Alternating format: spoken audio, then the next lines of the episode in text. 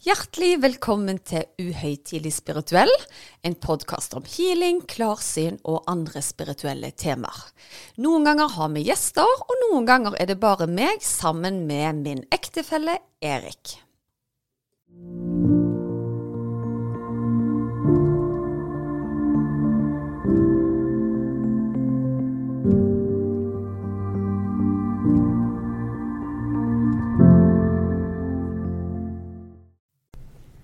Hei og velkommen til en ny episode av Uhøytidelig spirituell.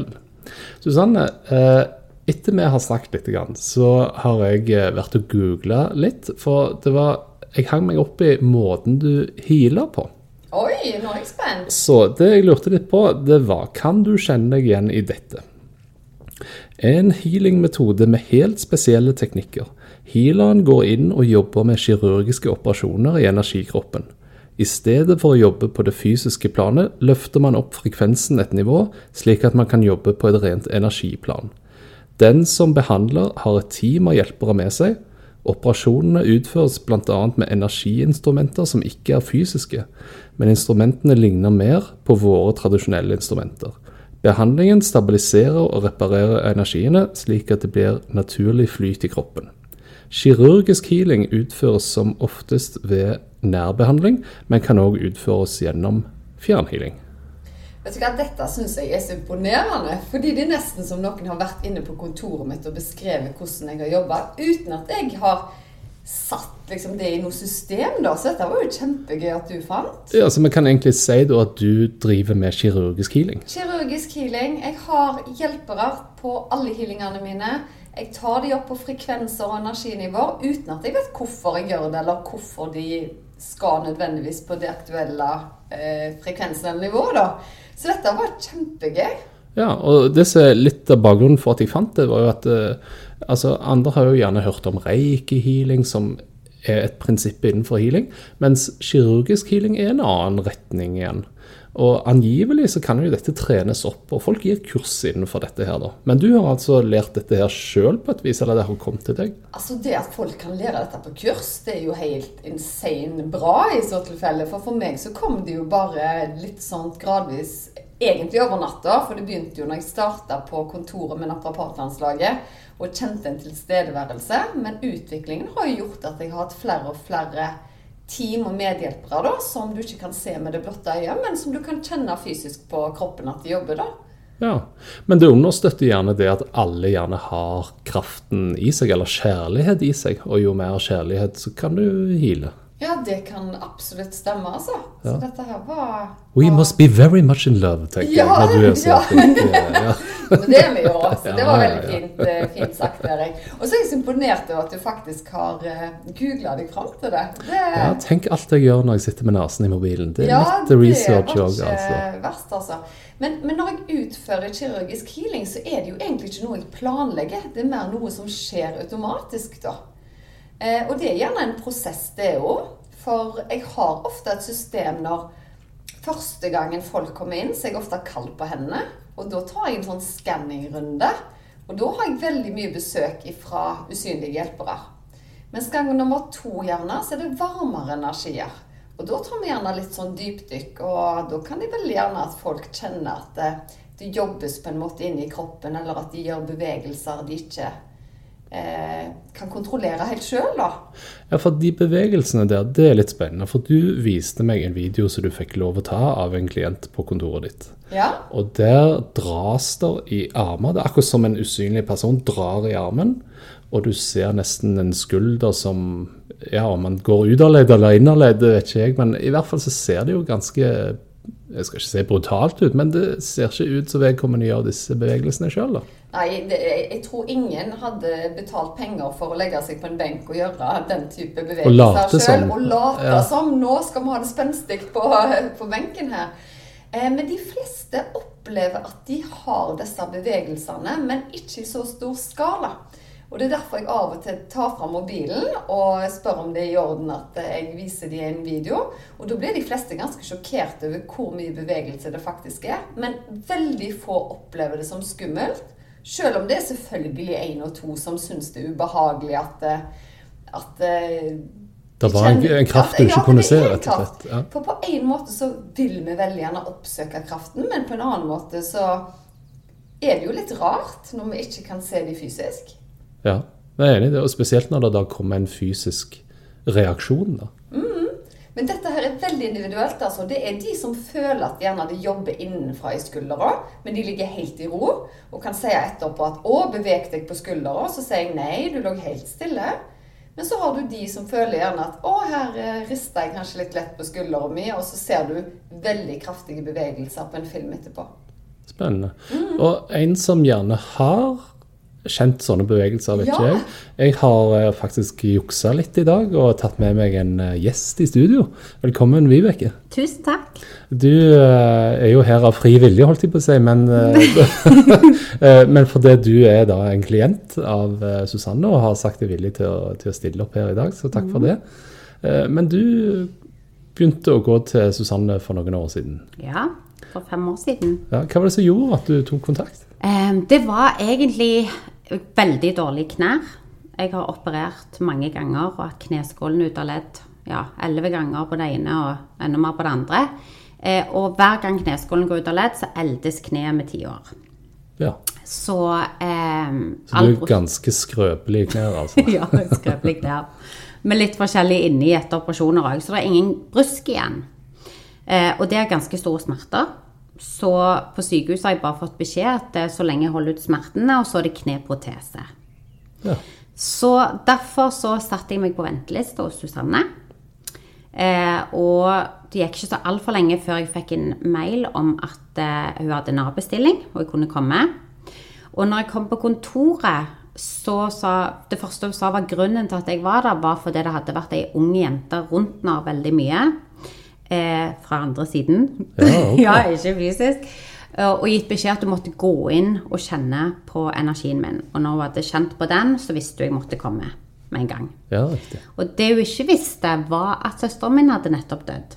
Ja, riktig. Ja, Så med en gang så fikk vi frysninger og kjente at ok, det er jo lillesøsteren min som har hjulpet og fått meg på benken. Um, og i begynnelsen så jobbet vi jo mye med knærne. Eh, jeg kjente veldig mye frysninger, strømninger gjennom kroppen og trykk i knærne.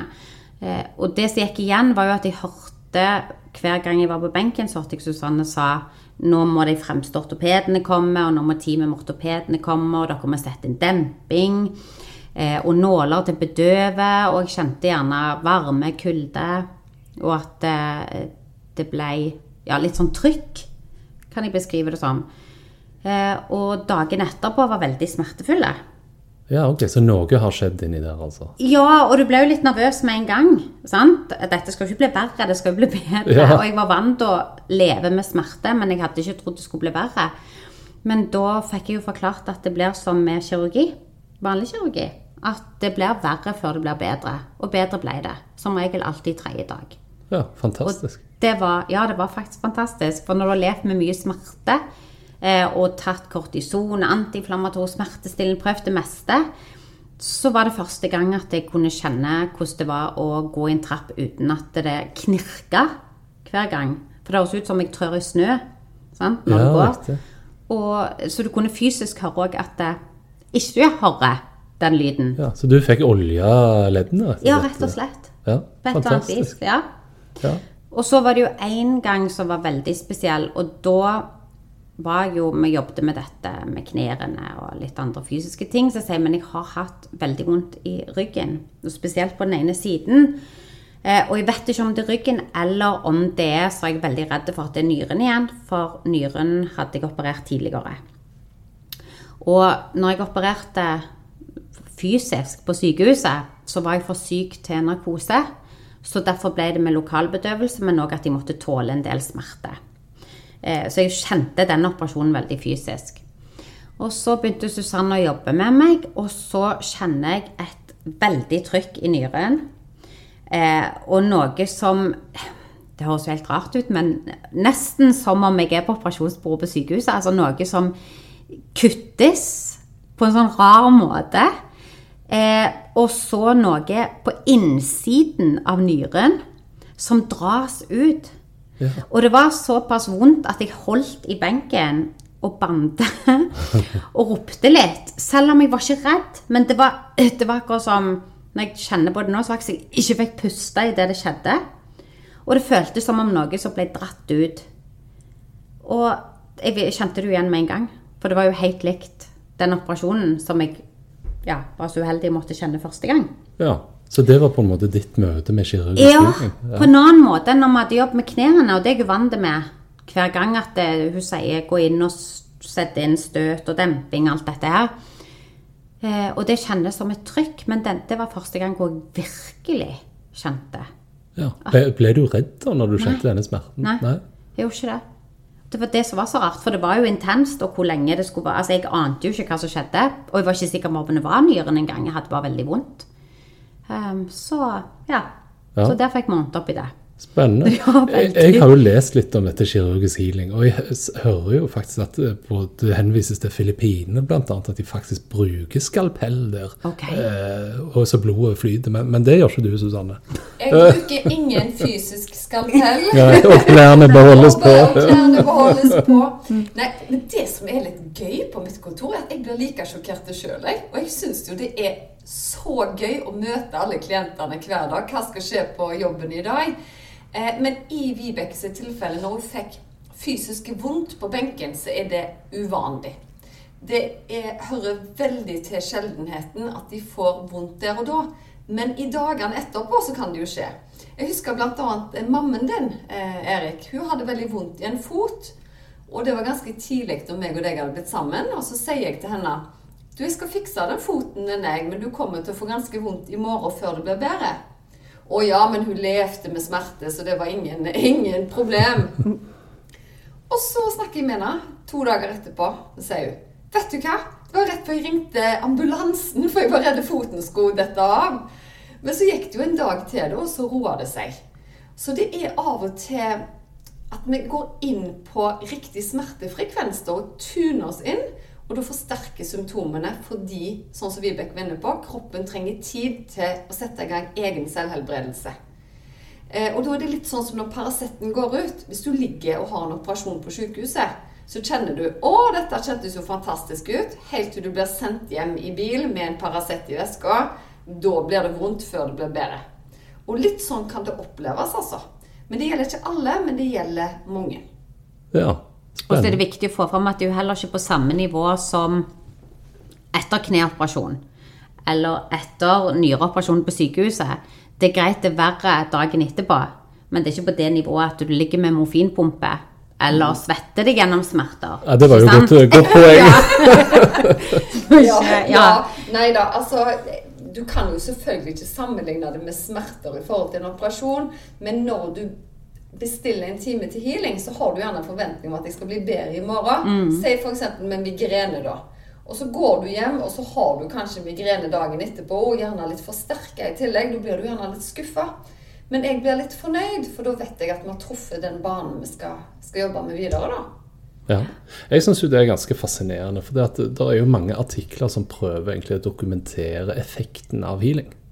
Eh, og da snakker vi jo gjerne at det er en forbedring, men her snakker vi faktisk en forverring. Før det blir bedre, da. Mm. men det er jo en effekt, det òg. Ja, om det er en effekt, ja. Og det jeg syns er veldig spennende, er jo spesielt i forbindelse med babyer, f.eks. Hvor de kommer inn fulle i utslett, kanskje. Og så er det bare å bruke hånda som et visk over kroppen, og så forsvinner gjerne utslettet ganske umiddelbart. Og da har jeg jo tenkt sjøl, er det jeg som tror på at dette skal forsvinne? Er det foreldrene som tror på det? I hvert fall ikke babyen. Så da har vi på en måte den der placeboen at den forsvinner litt òg. Ja, det er sant. Men tilbake til denne kirurgiske healingen og, og, og deres møte, egentlig. Altså, Er det sånn at eh, altså, søsteren din hadde på en måte gjerne guida deg til Susanne? Har du fått kontakt med søsteren din før? Eller Nei, altså jeg har jo alltid sansa når hun er i rommet. Så kan jeg alltid kjenne det. Og hun kom jo en del når vi hadde behandlinger. Eh, men akkurat det å komme til Susanne, der tror jeg det var hun som guida meg til rett hjelp. Jeg tror hun visste hva jeg trang på mange måter, for jeg hadde jo nettopp vært gjennom et tap òg. Og det er klart det forverrer alt fysisk òg, eh, når du står i en sorg. Så jeg tror hun visste hva jeg trang, og at Susanne var den rette. Og det var jo når jeg kom på kontoret, du har en viss forventning når du kommer til en såkalt healer. Um, og jeg har vært hos flere, som sagt. Så ser du gjerne for deg litt engler på kontoret, og krystaller som ligger, og litt sånn englemusikk, og ei dame med papegøye i ørene og sjal og litt sånn. Men det var liksom helt vanlig kontor. En helt vanlig benk, som du ser nesten på et massasjestudio. Og en flott, ung dame som sto veldig flott kledd, ja. men så alt annet enn alternativ ut. Og det òg kjente jeg var på en måte litt betryggende. Jeg vet ikke hvorfor, men det var ikke som å gå på alternativmessen, hvis du følger meg. Ja, jeg ser den. Ja, ja Det føltes veldig sånn Litt mer eh, reelt. Jeg vet ikke hvordan jeg skal forklare det. Men fikk, om det har vært intuitivt at jeg kjente at dette vil hjelpe, det vet jeg jo ikke. Men effekten kjente jeg jo veldig fort, da. Ja, for jeg husker jo I starten Susanne, så brukte jo du faktisk en sånn legefrakk for å distansere deg nettopp fra den stigmaen. Min berømte legefrakk. Ja, den kom veldig intuitivt, altså. Og den brukte jeg vel en sesong og to. Men så følte jeg at jeg ikke trengte den lenger. Eh, og jeg brukte den legefrakken egentlig for å gjøre et lite statement på at jeg er ikke lilla flagrende. Eh, jeg flyr ikke til dette, dette rommet her. Men, men, så følte jeg vel egentlig at eh, Nei, jeg er jo ingen lege. Jeg skal møte folk på den arenaen de kommer for, og de får ta meg som, som jeg er. Ja, Og møter de med kirurgisk healing. altså. Og møter de med kirurgisk healing. Men jeg kaller det jo ikke kirurgisk healing, jeg kaller det healing. Det har jo vært nesten hver gang når jeg er på benken, så blir ja. det jo en form for kirurgisk healing der det trengs. Ja, riktig. Sant? Vi jobber gjerne med at jeg får mer energi, og være trøtt, litt ekstra søvn. Sant? alle disse tingene kan jeg få påfyll av. Men der det trengs kirurgisk healing, der blir det med en gang kirurgisk healing. Og at de kommer inn. Stemmer. Og da kan det være sånn enkeltting at vi Oi, vi har vondt i ryggen, så vi legger inn en liten demping her. Og, og da ser jo jeg på en måte mentale bilder at det blir lagt inn akkurat som en dempingspute langs ryggvirvlene. Mm. Men det skjer jo ikke fysisk. Eh, og noen ganger kan jeg se at nå kjenner du nok et lite press mellom øyenbrynene dine. Og veldig ofte etterpå da så sier folk Det som var rart, Susanne, det var ikke det at jeg kjente presset der du sa, men jeg kjente det akkurat før du sa det. Mm. Ah, ja, det, er det er litt gøy at de fleste kjenner det før det faktisk skjer. For I forhold til sånn placebo igjen, da, så er det veldig ofte 'Å ja, nei, nå kjente jeg etter fordi du sa at jeg skulle ja. få vondt i foten', f.eks. Mm. Men de aller fleste har sett det før jeg sier det. Ja. Så jeg er litt tregere enn folk på benken oppfatter det, da. Ja. Jo, men så tror jeg òg at folk kjenner sånn etter. Sant? Det blir veldig sånn at du å, skal jeg kjenne noe, Skal jeg ikke kjenne noe. Det er veldig spennende i begynnelsen. Men det jeg fant ut, var det viktige bare slappe av. Men det er jo det etter hvert så lærte jeg meg effekten av det. Sant? Jeg så jo hva redning det var for meg, og hva hjelp det var for meg. Men jeg kjente jeg måtte bare slappe av på benken, og så kom det som kom, og de, kraften gikk der han skulle, og hun ordnet opp i det som var problemet. Om det var noe annet enn knærne den dagen, så kjente Susanne intuitivt hvor. For jeg tror veldig mange kommer og sier det. Og i dag er det det og det, og så må vi jobbe med det.' Og så er det veldig mye, nesten litt sånn store forventninger og stress rundt det. Men det å bare komme i tillit til at uh, du vil få den rette behandlingen, ja. det tror jeg er viktig. Spennende. Mm. Og det jeg syns er litt interessant her, det er at du ofte sier at du bruker team. Sånn at uh, litt til det at du skal mm. få den rette behandlingen, at du kommer inn uh, til service for kroppen, og så drar du inn altså de som trengs den dagen. Uh,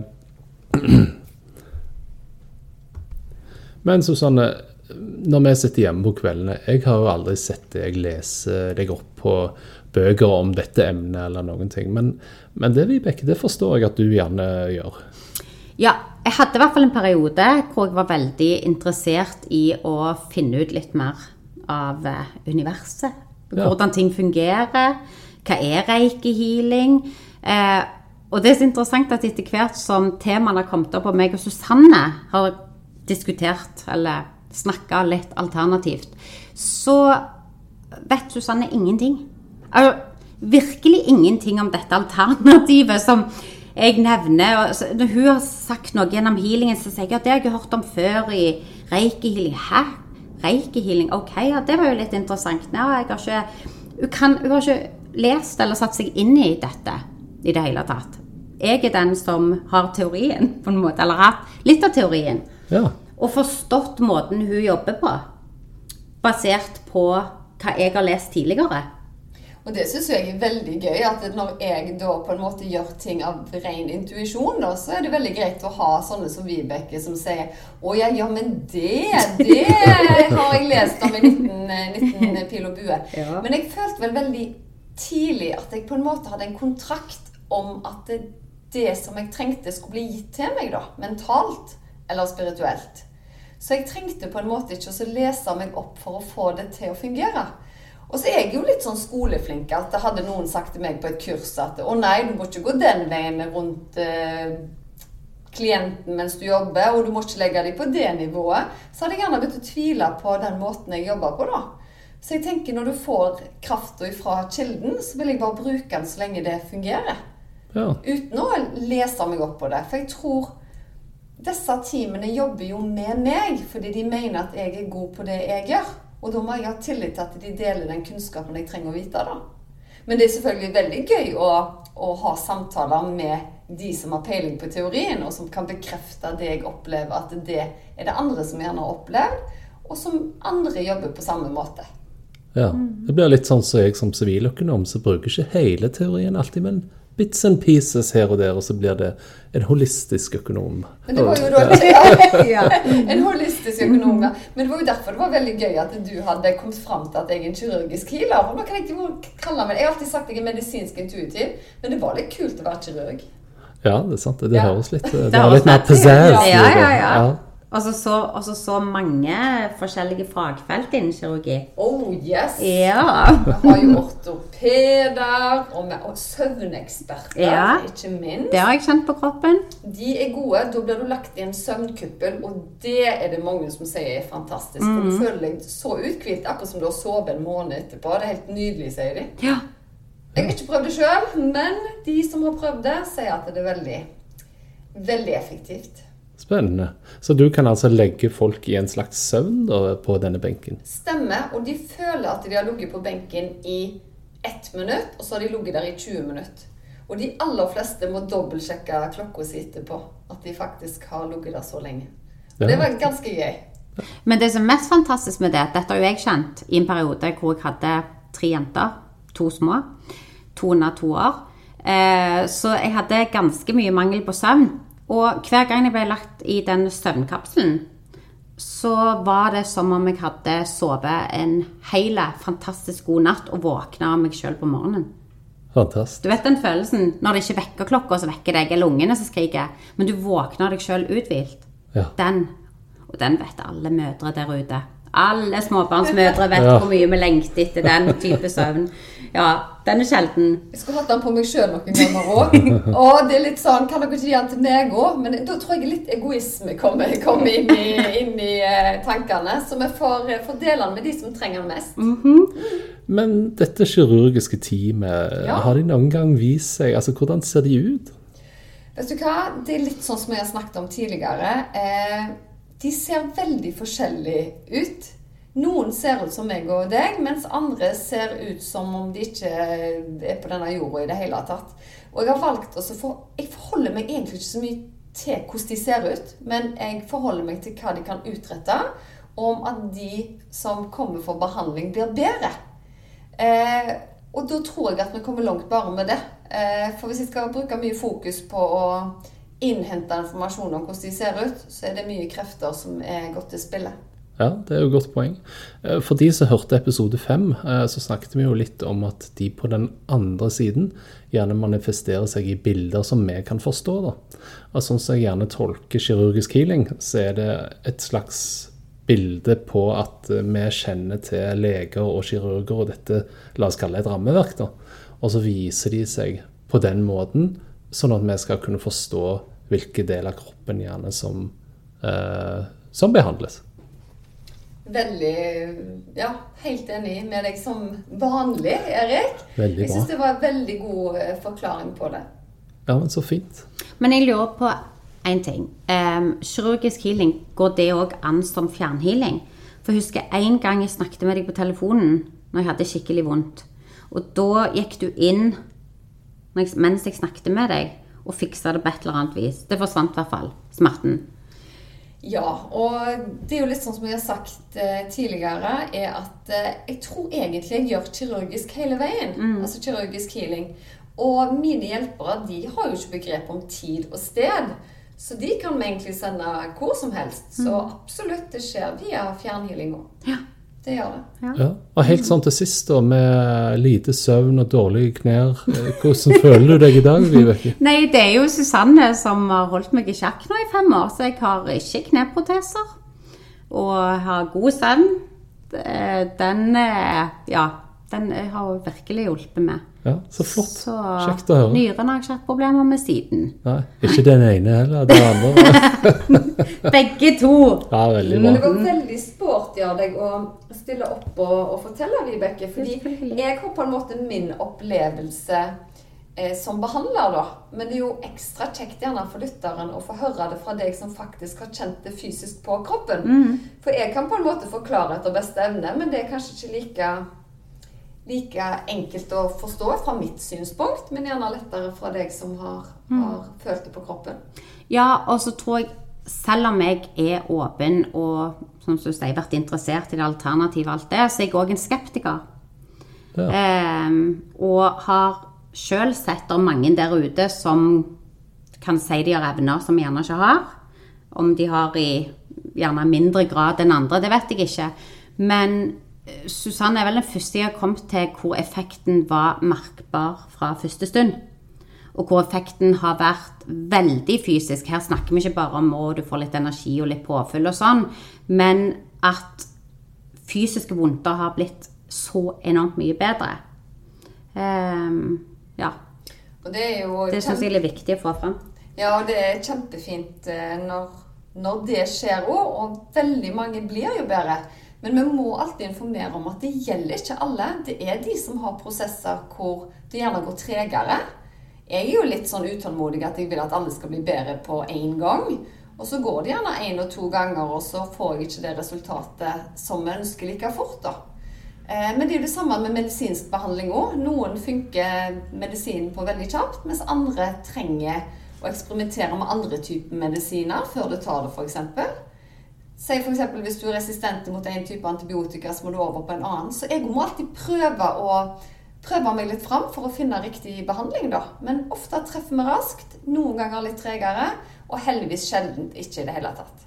Ja, det syns jeg var fint oppsummert for dagens episode. Jeg eh, setter veldig pris på at eh, du tok deg tid til å være med oss i dag, Vibeke. Og som alltid så håper jeg at du som hører på, at eh, din eh, horisont har blitt litt videre enn ved starten av sendingen. Så tusen takk for i dag.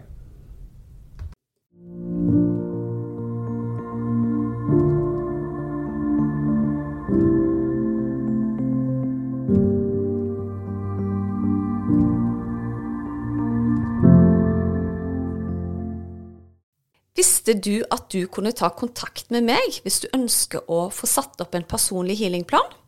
Da er det bare å kontakte meg via Instagram eller på e-post, så gjør jeg det helt kostnadsfritt. Da er det mye lettere å vite hvilken healing du skal velge, til hva tid du skal bruke den, og for hvor mange uker du bør benytte deg av dem. Gå inn på healersusanne.com.